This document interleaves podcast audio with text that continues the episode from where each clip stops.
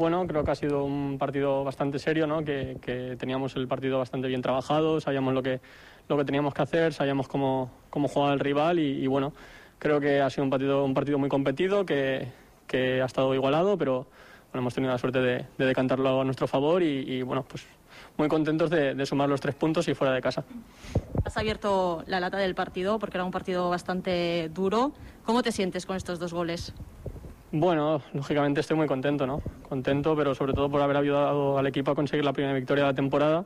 Eh, creo que, es una victoria muy importante, ¿no? Que, que, la primera siempre, siempre ayuda, siempre refuerza y esto eh, creo que va a hacer que, el equipo dé un paso adelante y que, sigamos en la línea que estamos, que estamos teniendo, que es la, de, la del trabajo, ¿no? Del sacrificio, la del esfuerzo y, a partir de ahí pues nos ponemos los objetivos altos.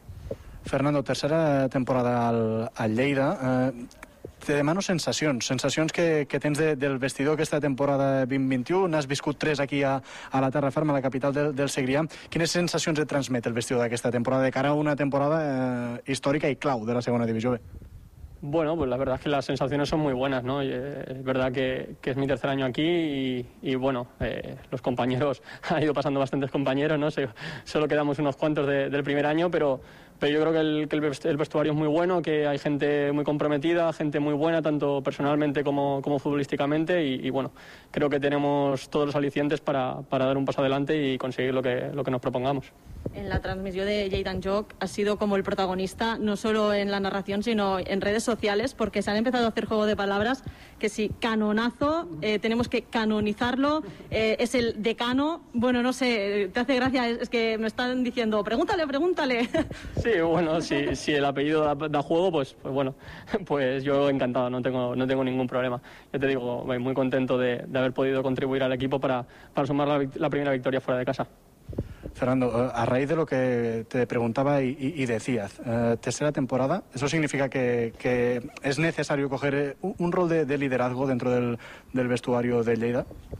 Sí, bueno, yo creo que tanto yo como, como muchos compañeros, ¿no? Creo que, es un equipo con mucha experiencia, un equipo con, con gente ya veterana, con gente que, ha jugado mucho en la categoría, incluso en, categorías superiores. Creo que hay gente joven muy buena también, gente que tiene mucha hambre, gente que tiene muchas ganas de, de, sumar al grupo y, y, creo que, que, el vestuario es un vestuario muy completo, tanto a nivel personal como a nivel futbolístico y, y estoy deseando de que, demos un paso adelante todos porque creo que es un año importante y un año bonito y tenemos que dar la talla.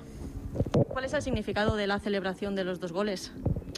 Bueno, pues eh, la verdad es que no he sido yo muy, goleador en, mi, en, mis épocas jugando y, bueno, hay a mí me gusta mucho la NBA, no hay un jugador que me gusta mucho y, y cada vez que, que, mete un triple lo celebra así y bueno, pues he querido copiar un poco esa celebración.